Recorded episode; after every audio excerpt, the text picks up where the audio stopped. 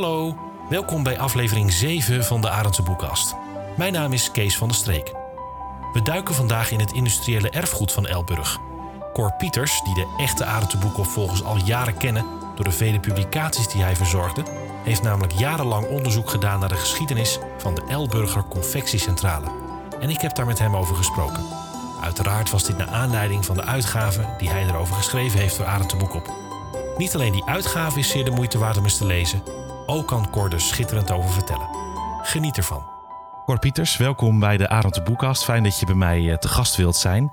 Ehm, ja, we hebben het niet van tevoren besproken, maar als je het goed vindt, noem ik je gewoon uh, Cor en je, want wij kennen elkaar al een aantal, uh, aantal jaren. Heel wat jaren. Ja, zeker, zeker. Daarom ben ik extra blij dat je hier, dat je hier vandaag wilt zijn. Ja, we gaan het hebben over, de, uh, over het boek wat jij uh, recent hebt, het licht hebt doen zien. En dat gaat over de, over de confectiecentrale. Zou je me eerst eens wat willen vertellen over ja, hoe je er zo toe gekomen bent om ook juist over dit onderwerp te willen schrijven? Ja, dat is een fascinatie die ik al heb van de jaren, eind jaren 60, begin jaren 70. Ik kwam als jonge vent samen met mijn toen jonge vrouw wonen hier in Elburg. Mm. Dat was april 69. Uh, wij gingen wonen in de Vicariestraat. Batterijstraat en zo bestond allemaal nog niet. Dus als je naar de stad wou bijvoorbeeld, moest je de hele Valkenoorderstraat uitfietsen. En dan kwam je dus op de Zwolseweg hier. En dan kwam je altijd langs de confectiecentrale. Ja. En het gebeurde ook wel eens dat ik daar toen langs fietste. Op een tijd dat de fabriek net aanging of uitging. En toen al verbaasde mij de laten we zeggen, grote hoeveelheden, vooral jonge dames, die daar werkten. En er stond natuurlijk buitenop dat uh, gebouw uh, Confectiecentrale NV. Maar toen vroeg ik me al af van, hé, hey, wat zouden ze dan allemaal doen? Hoe zou dat dan allemaal gaan? En ja, dat is altijd een beetje gebleven. En mm-hmm. toen ik na mijn uh, pensionering ja, in boeken schrijven terechtgekomen ben bij Arend de Boekop en dan ook nog vooral in boekjes over industrieel erfgoed. Ja. Toen kwam die confectiecentrale dus weer boven. En nou ja, op een gegeven moment ben ik daar dus gewoon aan begonnen om daarover te schrijven. En uh, hoe heb je het bronnenonderzoek gedaan? Dat lijkt me niet makkelijk. Er waren dus geen bronnen. Nee, behalve precies. de kranten. Ja, ja en natuurlijk uh, vooral dames, maar ook heren die daar gewerkt hadden. Want die zijn er gelukkig nog wel. Want het bedrijf heeft tot 92 bestaan. Ja. En dus het is nog niet zo heel lang weg. Nee. Net 30 jaar geleden. Nee. En je hebt behalve dus ook mensen geïnterviewd. Uh, en uh, heb je ook in de, in, de, in de plaatselijke kranten gekeken. In de archieven daarvan in ieder geval. Ik, ik ben begonnen met onderzoek in de archieven zoals die, wat ik verwachtte, er zouden zijn in ons uh, streekarchief. Hmm. Dus het gemeentehuis in. En daar hebben we dus gezocht. En nou, ik kan wel zeggen, niets wat de moeite waard is echt gevonden. Op een enkele bouwvergunning na en uh, op uh, een brief van uh, de eigenaar van de fabriek, de heer Sleebos, na, die een beroep deed in 1937 op de Zuiderzee steunwet. Ja. Daarom kwam hij hier naar Elburg. Dat is ook gelijk, als ik het boek bekijk, da da daar ligt het begin. Hè? Want nog, nog even terug in die geschiedenis, want het bedrijf is niet begonnen in Elburg. Oud-Marsum, heb ik dat goed gelezen? Nee, Oldenzaal. Oldenzaal. Ja, Sleebos uh, die kwam daar uit die buurt en die is in Oldenzaal begonnen als manufacturier. Mm -hmm.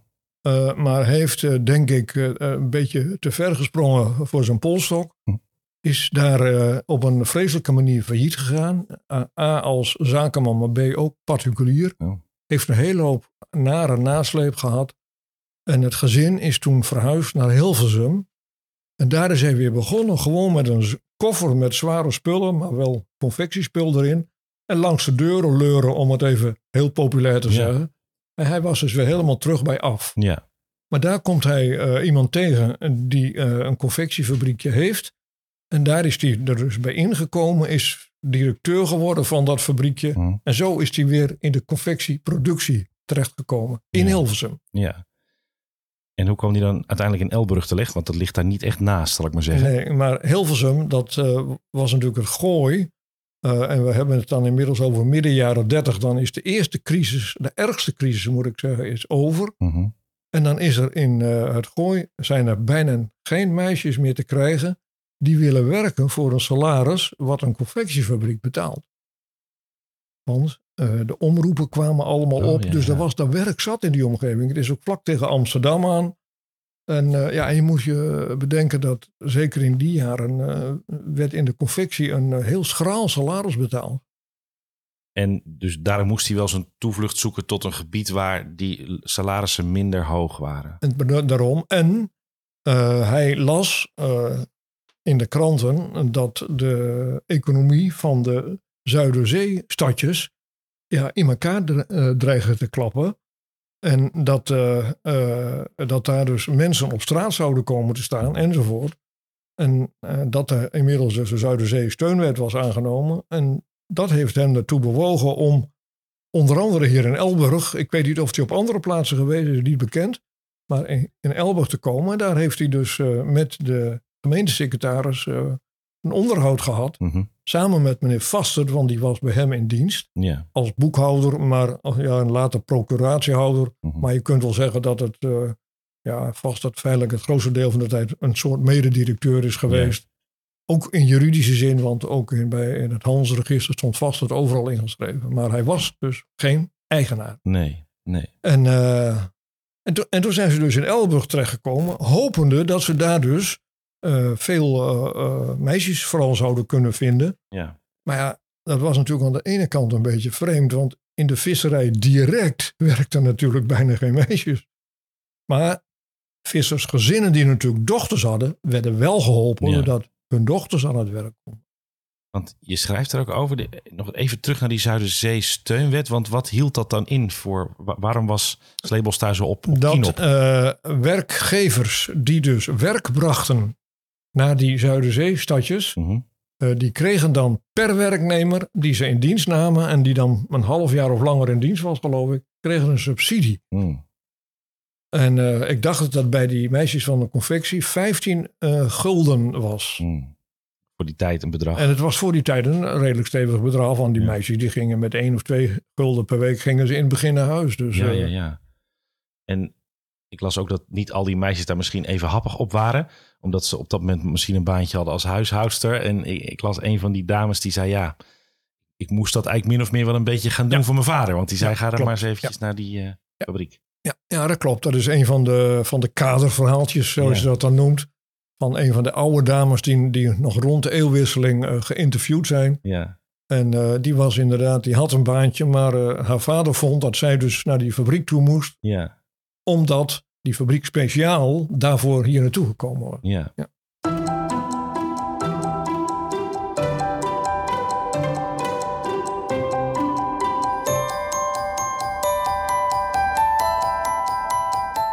Het bedrijf vestigt zich eh, aan, de, aan de Smeesteeg. Ja. We zijn in het Gruithuis nu dus hier letterlijk... Ja, hier Kijken er bijna op, hè? Ja, ja. Ja. Smeesteeg, daar, daar, daar was de eerste locatie. Ja.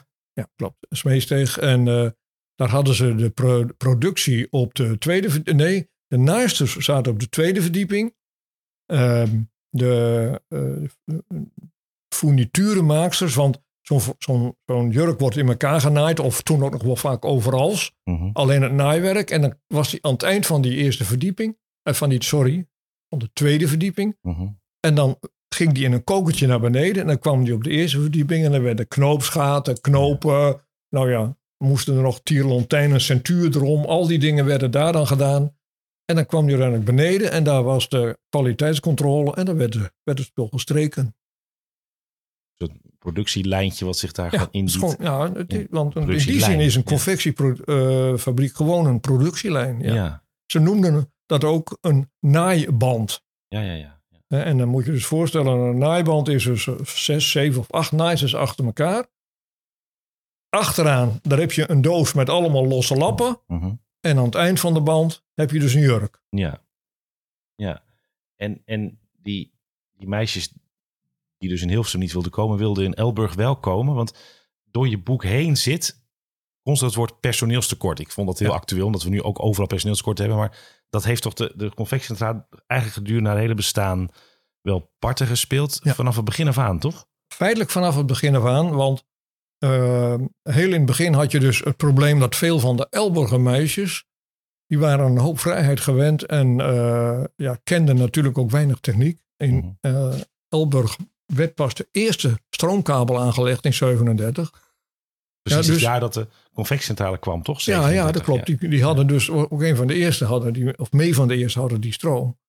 En eh, eh, ja, heel veel meisjes waren daar bang voor. En dan verder zaten ze natuurlijk de hele dag opgesloten. Als je ook in het boek kijkt, dan een van de eerste grote foto's is hoe ze eh, in de smeezeggen bij zaten. En dan zie je dat ze dus allemaal krap, heel krap boven op elkaar zaten. En dat Ja. waren die meisjes ook niet gewend. En er waren ook gewoon hele ja, rare dingen. Er waren er ook bij, die kenden dus een, een, een, een toilet waar doorgespoeld werd niet. Want die deden hun behoefte normaal altijd in de gracht. Echt. En er waren dus ook die in het begin, die gingen ook naar de gracht. Totdat Sleepels en consorten daar dus, laten we zeggen, wat paal en perk en zeiden, joh, dat kan niet. Maar er zijn in het begin heel veel meisjes weggelopen. En waarvoor Sleepels ook geen subsidie heeft gekregen. En dat Nee, vond nee, wel spijtig. En toen is hij dus begonnen te werven in Doornspijk en Oldebroek. En dat ging dus veel beter. want? Nou, en na verloop van tijd had hij, eh, ik, ik ken de getallen niet uit mijn Nee, hoofd hoor, maar had hij dus relatief gezien een, weinig meisjes uit Elburg aan het werk Ja. waar hij subsidie voor kreeg. Maar wel een hele hoop uit Oldebroek Ja, en ja, Dorenspijk en zelfs tot Wezen Lo. Ja, En later kwamen ze zelfs uit Oene. En maar daar kreeg hij geen subsidie nee, voor. maar wel uiteindelijk meisjes die dus dat, eh, dat, dat, dat werk gingen, gingen doen. Ja, ja. Ehm, als we een- paar jaar in de tijd, want we zitten dan al eh, zo richting de, de Tweede Wereldoorlog, 39, de mobilisatie komt. Ja. En waarbij je dan denkt, dan stort de hele economie in elkaar. Dat gold niet voor de confectiecentrale. Nee, dat gold niet voor de convectiecentrale. Die hebben eh, eh, opdrachten gekregen van Defensie. Mhm. Maar ook opdrachten van allerlei steden waar ze ook overal, want ze produceerden toen voornamelijk bedrijfskleding waar ze overal voor moesten maken. Ja, En de grote klap voor hun kwam feitelijk dat ze toen Rotterdam werd gebombardeerd, toen eh, moest Rotterdam 30.000 overals hebben. En dat moest geleverd worden door een eh, confectiefabriek aan de westzijde van de IJssel, want alle IJsselbruggen lagen eruit. oh, ja. En toen heeft Sleebos met de fabriek eh, 30.000 overals aan eh, Rotterdam geleverd. En je ziet ook heel veel filmpjes nog van die eh, gebombardeerde stukken. Dan zie je dus allemaal mannen die puinruimen in overal. Nou, dat waren allemaal overals van de convectiecentrale hier uit Elburg. Die zijn allemaal hier in de Smeesteeg genaaid. Want hiermee zeg je volgens mij ook een bel- belangrijke eh, kwaliteit van die sleebos. Het was een handelsman puur zang. Hij wist Ja, overal zijn handel wel. Ja, dat zat hem gewoon in het bloed. Want hij had ook eh, niet alleen belangen in de confectiecentrale. Maar hij had, eh, hij had een zwager die was aannemer. Hij zat ook met geld in de aannemersmaatschappij. Hij zat later met geld in eh, de eh, eh, sjaalsfabriek van zijn zoon Jan. Mhm. Want Jan is later een sjaaltjesfabriek begonnen. En dat zijn er dan een paar die ik weet. Maar misschien Ja. zat hij nog wel in meer hoor. Maar dat, ja, ja. dat weet ik dus verder niet. Ja. Veel later, toen het confectiecentrum in Amsterdam gebouwd werd, Mhm. daar heeft hij ook met een hele klont geld in gezeten. En hij was ook een van de initiatiefnemers van het confectiecentrum. Maar daar komen we misschien nog op. Nou ja, nou ja, daar komen we nog op. Maar en er was ook toch een broer. Er waren toch twee sleebossen in het, in het Dat klopt. Er waren eh, in eerste instantie, eh, toen hij nog in Hilversum zat, kwam eh, zat Johan Sleebos, zo heette dus de Sleebos senior, zoals we hem meestal noemen. En die had een broer Henk. Mhm. En die is bij hem komen inwonen als vertegenwoordiger. Ja, Toen woonde ook Vastert al bij hem in als Ja. boekhouder. ja. En die Henk die is dus altijd vertegenwoordiger geweest. Maar daar is in oorlog iets gebeurd. Ik heb niet kunnen achterhalen wat. En ook zijn kleinkinderen weten ook niet precies wat er gebeurd is. Maar eh, Henk eh, heeft zich losgemaakt van de confectiecentrale. En die is in eh Wezen, vlakbij het station, de Wekon stropdassenfabriek begonnen. En die heeft daar ook tot, ik dacht, midden jaren tachtig gefunctioneerd. Ja. Dus Henk was ook een, een ondernemer. ja. Hij zat ook in de textiel. Maar Johan Sleebos bleef betrokken bij, eh, bij de confectiecentrale decennia lang. We, we komen hem straks in, verder in de tijd nog wel tegen. Je noemde de naam net al van Vaster. Dat is ook een naam die we, waarvan je van tevoren ook zei, die moeten we bespreken. Dat is iemand die heel belangrijk is geweest. Eh, je kunt zeggen dat eh, door dag en tijd, als je het hier over de fabriek hebt, dat Vastert eh functioneren als de chef. Ja, Hij was op papier hoofdpersoneelzaken en procuratiehouder. Maar ik denk ook doordat eh Sleebos eh, veel meer belangen had en echt een handelsman was, die was er relatief niet veel. Dus Vastert runde de fabriek. Als je ook met de dames praat die er gewerkt hebben, eh, dan weten ze natuurlijk wel dat er sleebossen waren. Maar Vastert was hun man. Ja. En uh, uh, die had een motto, uh, verbeter de wereld, begin bij jezelf. Ja. En het was niet alleen dat hij in de fabriek heel actief was, maar hij heeft ook in Elburg ontzettend veel gedaan. We hebben in Elburg 30, 40 jaar lang bejaardenuitjes gehad, om maar iets te noemen. Heeft Ja. hij altijd geregeld. We hadden een industriekring, is hij jaren voorzitter van Oh. geweest. Nou, hij heeft op de lijst gestaan voor de gemeenteraad en noem maar op. En hij was, overigens ook net als Lebels, overtuigd Rooms-Katholiek. Hm. En hij heeft ook heel veel gedaan voor de emancipatie van de katholieken hier. Want de bouw van de katholieke kerk in Nunspeet, Ja. daar heeft Vastert ook een heel groot aandeel in echt? gehad. Want Vastert was de man die op de centen lette. Ja. En eh, later heeft Vastert ook eh, de hele Agnieten eh, spul hier in Die school ook. de school, maar ook het, het, het Agnieten Centrum. Hè, Ja. dus waar dus de mis Werd opgedragen. Ja. gecelebreerd kan worden. En dat heeft hij ook allemaal eh, mee bewerkstelligd. En daar heeft hij uiteindelijk ook een hele hoge uh, pauselijke onderscheiding voor gekregen. Dat is wel heel bijzonder. Want eh, dit is natuurlijk protestantse omgeving puur zang. En toch wisten die, wisten die mannen hier wel voet aan de grond Ja. te krijgen. Maar zij waren nog van het soort Rooms-Katholiek. Waar een goede protestant ook respect voor had. Ja, ja. ja, ja. Hè, want in oorlogstijd ook dan, toen kwamen er dus op een gegeven moment evacuees uit de omgeving van Arnhem, Renkum enzovoort. Ja, Daar waren ook een hoop katholieken bij. ja. Heeft ze onmiddellijk opgevangen. Ja, die zorgde dat er lokaliteiten waren, waar, hè, dat er een pastoor kwam en noem maar op. Die, ja, die man die, die regelde dat soort dingen gewoon allemaal.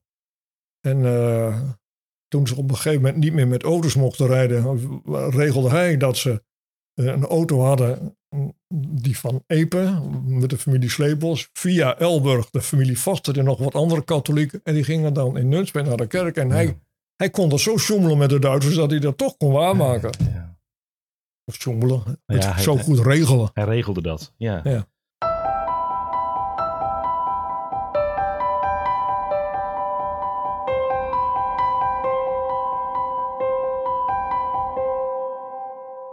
We, we zijn nu inmiddels ook dus in de Tweede Wereldoorlog beland in de tijd. Ehm, dat was bijzonder, want in de Tweede Wereldoorlog begon men in het pand aan de Smeessteeg een beetje uit het jasje te groeien.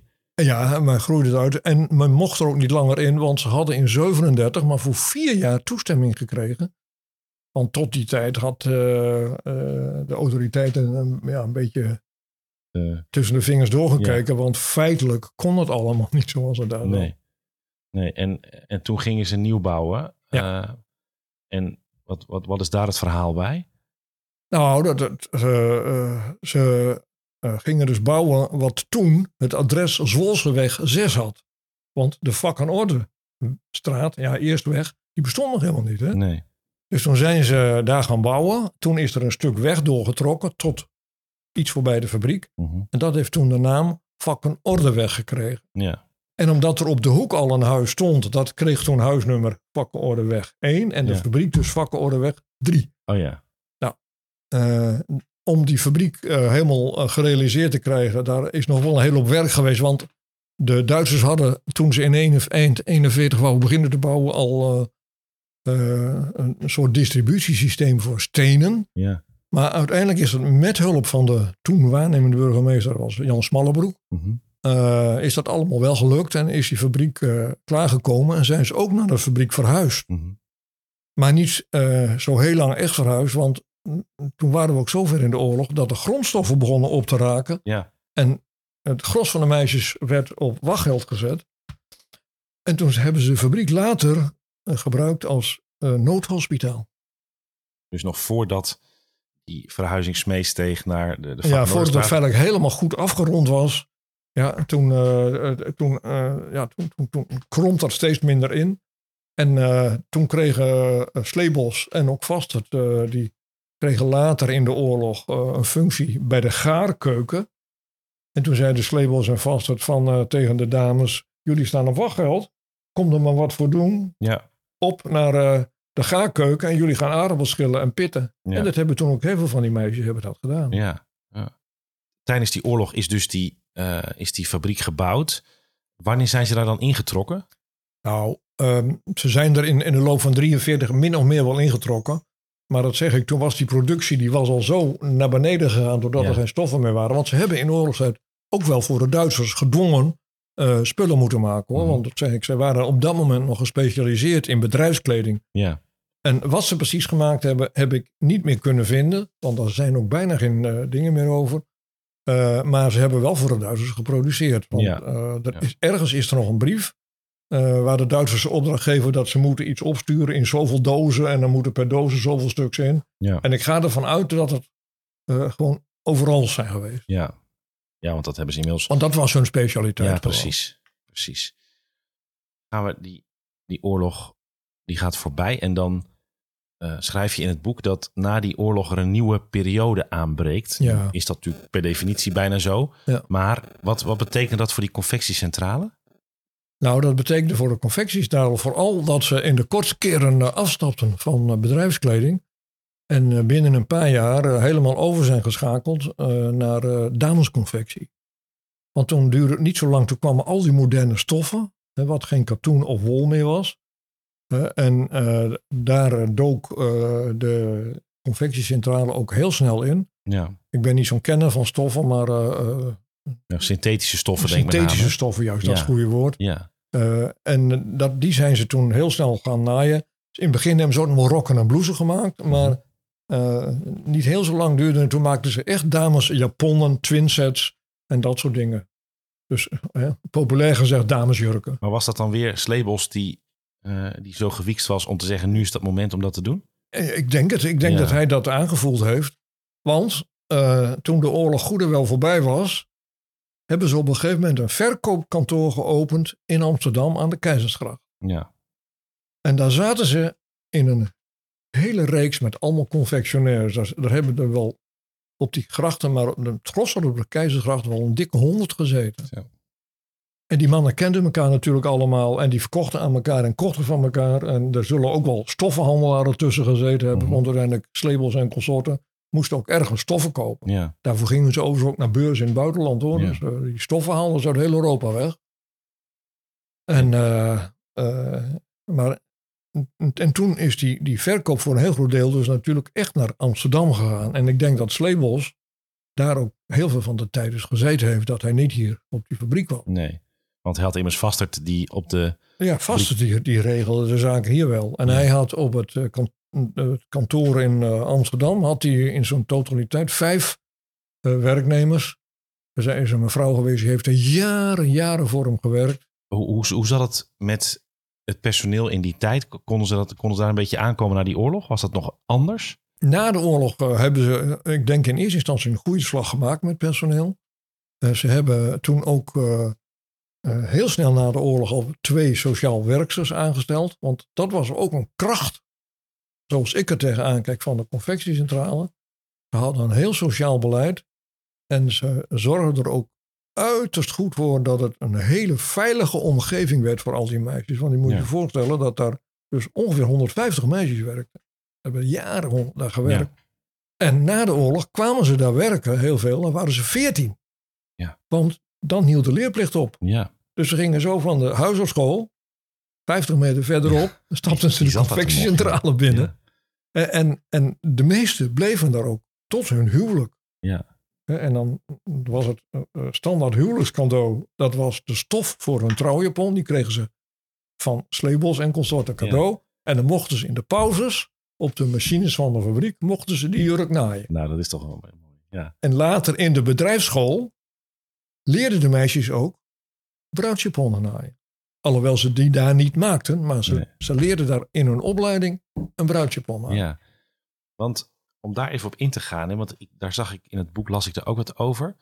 Ze zijn ook wel vooruitstrevend geweest in dus het opleiden van die, van die meisjes. Zij hadden de eerste bedrijfsschool hier eh, op de Veluwe. Ja. En de bedrijfsschool intern werden die meisjes opgeleid om... Maar wel voor een, eh, eh, een officieel erkend diploma. Dat was het eh, VOC-diploma, vakopleiding confectieindustrie. Ja, En daar waren ook consulenten die geregeld kwamen kijken. Een van die consulenten woonde in eh Nunspeet. mhm. En die overvielen de school, zeg maar, zo nou en dan.